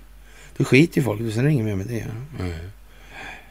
De kommer aldrig förstå liksom. De kommer inte lära sig, de kommer inte bilda sig.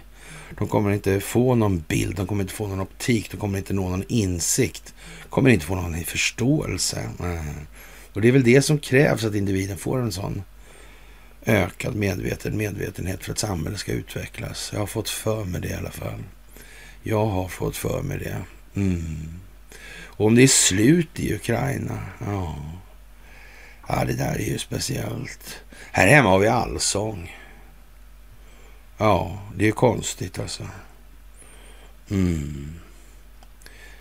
SVT riktar sig till barn. Ja. En påverkanskampanj riktad mot barn och ungdom. Ja, det är väl inte utan. Tänk om det har varit så alltid. Hela prylen.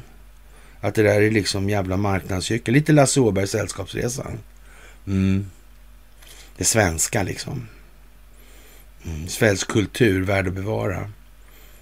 SOS Sällskapsresan, ja. Mm. Snowroller, ja. Ja, den skandinaviska teatern, ja. Mm. Biden deltar vi på plats vid nordiskt toppmöte. Besöket sker med anledning av toppmöte mellan de nordiska länderna och USAs ledare. I mötet deltar även Sveriges statsminister Ulf Kristersson, moderat, och Finlands president Sauli Niinistö och Norges statsminister Jonas Gahr Störe. Danmarks statsminister Mette Frederiksen och Islands statsminister Katrin Jakobsdotter. ja, det är det tredje mötet mellan ledarna för de nordiska länderna och Förenta Staterna. De tidigare toppmötena hölls i Stockholm 2013 och Washington 16. Det är en glädje att fortsätta diskussionerna denna gång i Helsingfors, säger Niinistö i pressmeddelandet. Man skulle kunna säga att det var stacklat hela vägen. Om man vill vara lite fräck kanske då, då. Diskussionerna ska behandla ett ökat samarbete mellan de nordiska länderna och USA i frågor som gäller säkerhet, miljö och teknik. Helsingforsmötet sker dagen efter NATOs toppmöte i Litauen Litauens huvudstad Vilnius har avslutats, där Biden ska delta. Det var väl oväntat? Var det inte det? Under samma resa till Europa besöker Biden även Storbritannien för att träffa kung Charles och brittiska premiärministern Rishi Sunak, skriver Vita huset i ett pressmeddelande. Ja, ja det är ju lite gulligt måste man ju säga. Det måste man säga. Ja, speciellt. Och Lena Melin alltså. Eh, vad Erdogan vill ha i en olöst gåta. Och, och nu går armansträngningen in på slutvarvet alltså. Och osäkerheten har aldrig varit större. Erdogan håller i taktpinnen och han är inte nöjd. Ännu i alla fall. Ja, precis alltså. Och, och, Det här blir ju jättekonstigt. Det här om nio dagar. Det verkar bråttom nu alltså. Och, och, in i det sista är det synnerligen ovisst. Det är konstigt alltså. Det verkar spännande tider här nu som kommer. Lite grann som jag antydde först här faktiskt. Och, och ja, vad kan det bli av allt det här? Vad kan det bli av allt det här så? Ja. Ja, jag vet inte faktiskt. Ingen aning, ingen aning, aning alls.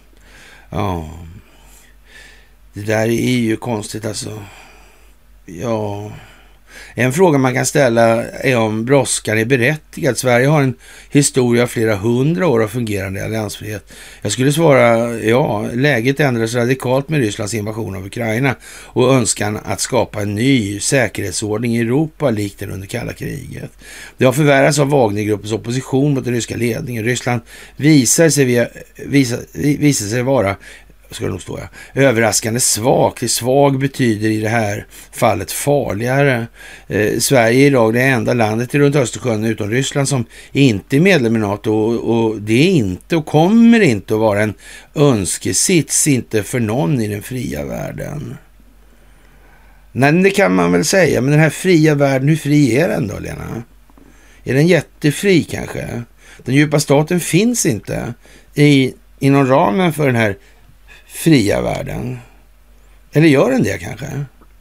Ja, jag vet ju inte det, jag, men jag är ju så att säga eh, paradfiguren i, i de här sammanhangen för, för vanföreställningar och, och, och dåligt tänkande helt enkelt. Mm. Men berätta gärna för mig, får vi se. Kanske vi kan komma överens. Ja, jättemärkligt alltså. Ja, Undligt, undligt, undligt faktiskt. Hela tiden är det undligt. Ja. Och Zelensky där, vad håller han på med? Ja. Transparenta fästingar dök upp i Lettland som sagt. Ja, men det kan inte vara så nytt alltså. Nya grejer. Eller militären kanske talar om vilka biologiska vapen de har tagit fram. Ja, så kan det ju vara. Det kan det ju vara. Det, det, jag glömde bort det alltså. Ja. Ja, man vet ju inte sådär noga. Nej. Och, och, den muslimska världen alltså vill se skydd där och ja, lite tyrrunor då på tal om NMR då så verkar det dyka upp här. Jag vet inte, Petra Lund hade någonting att säga om tyrrunor också kanske. Ja.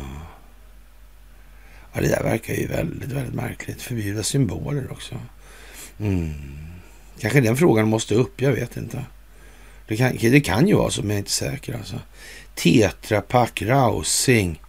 Ja, konstigt alltså. Mm. Ja. Tetra Pak, ja.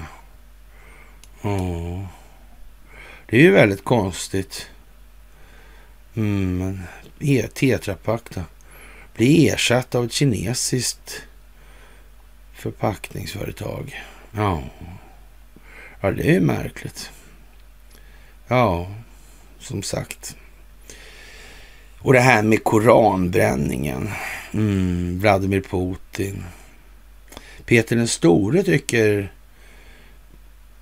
Vladimir Putin tydligen är en föregångsman när det gäller behandling av svenskar. Det är ett inte så diskret sätt att säga att eh, det vankas näsbränna. Mm. Svenska folket är dömt, ja. Carolina hade lagt upp där med, med skyddsef-grunder där ser jag. Ja, just det. Ja, jag vet inte. Vad finns det att tillägga? Det är ju bara som det är. Vad är det att säga egentligen alltså?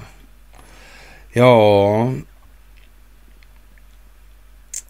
man får nästan känslan av att nu eh, står det väldigt, väldigt nära dörren här alltså. Ja, det, det får man nästan säga, tycker jag.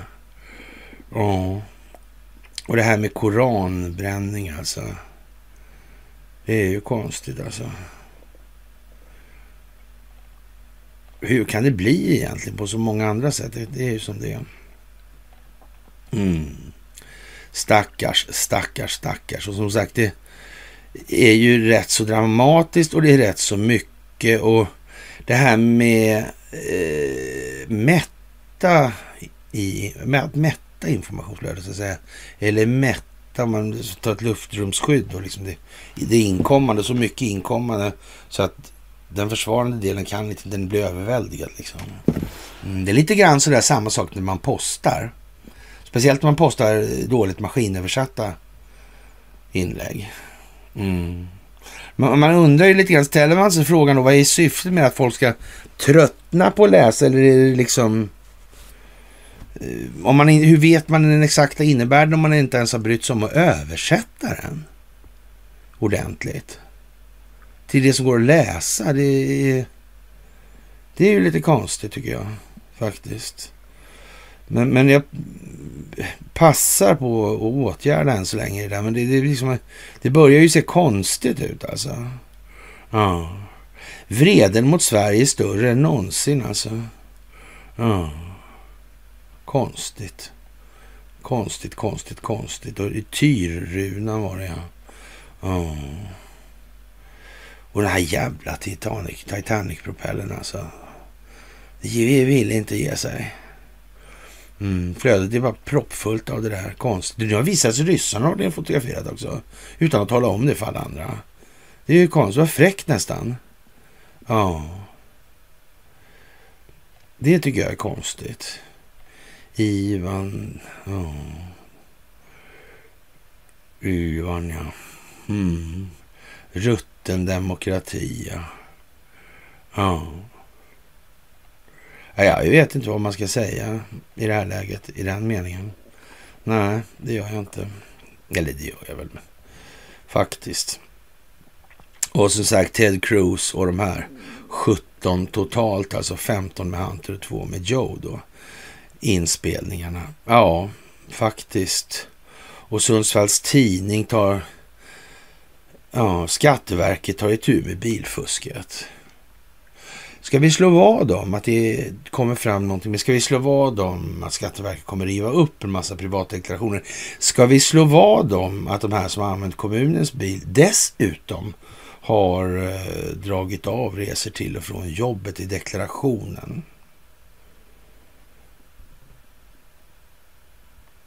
Är det någon däremot? Alltså inte, nej. Undrar om det kommer bli något väsen. Ah. Undrar hur mycket det kan bli. Mm. Zelenskyj förbjuder oppositionspartier, ställer in val och väst försvarar demokrati i Ukraina genom stöd till Zelenskyj. Som är i krig. Ja, oklart. Ja, det är jättekonstigt alltså. Det där är märkliga grejer. Märkliga, märkliga grejer. Ja, kära vänner, veckan är igång. Utvecklingen går rasande snabbt. Ni är fantastiska. Och eh, ja, som sagt, regeringen stoppar nödvändig forskning.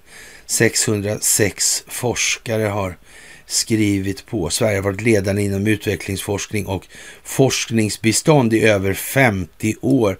Denna ställning undermineras nu rejält. Den 27 juni informerades alla forskare som i april skickat in forskningsansökningar inom utvecklingsforskning att alla bidrag till detta område stoppas efter regeringsbeslut den 22 juni. Ja. Vetenskapsrådet, VR, tvingades därmed avbryta den pågående beredningen av dessa utlysningar. Ja, jag vet inte. Mm. Som sagt, eh, objektet finns redan.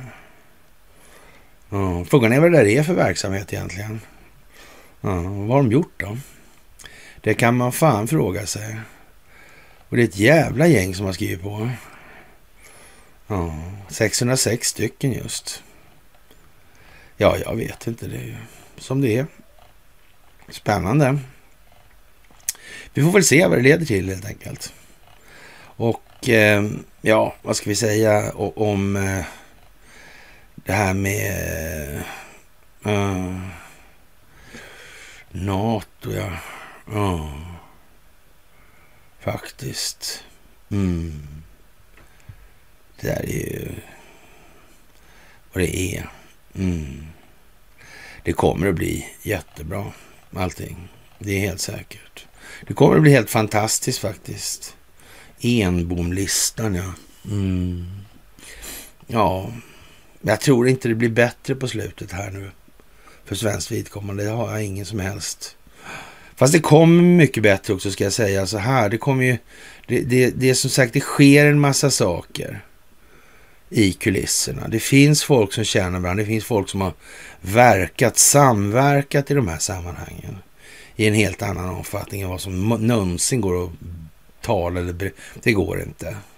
Nej, det gör det inte. Själva motverkan mot det här med att ha det här need to know basis och så vidare. Men den kan man ju liksom inte skylta med för då spricker den ju liksom till sin själva form och existens och syfte. Det går inte. Så det måste liksom ligga lite, liggas lite lågt i den meningen. Och eh, ja, den sista säsongen Tom Clancys Jack Ryan där. Och, och, ja, det verkar precis som att någon följer manus i det här. Mm. Det är märkligt. Faktiskt, hur det kan bli. Eller inte så märkligt. Nej. Men som sagt, ni ska ha det största av tack och så får vi väl eh, ja, se om vi måste höra av oss imorgon eller om vi dröjer ända till onsdag för nu händer det grejer alltså. Nu är vi mitt i stormen och nu börjar det dra alltså.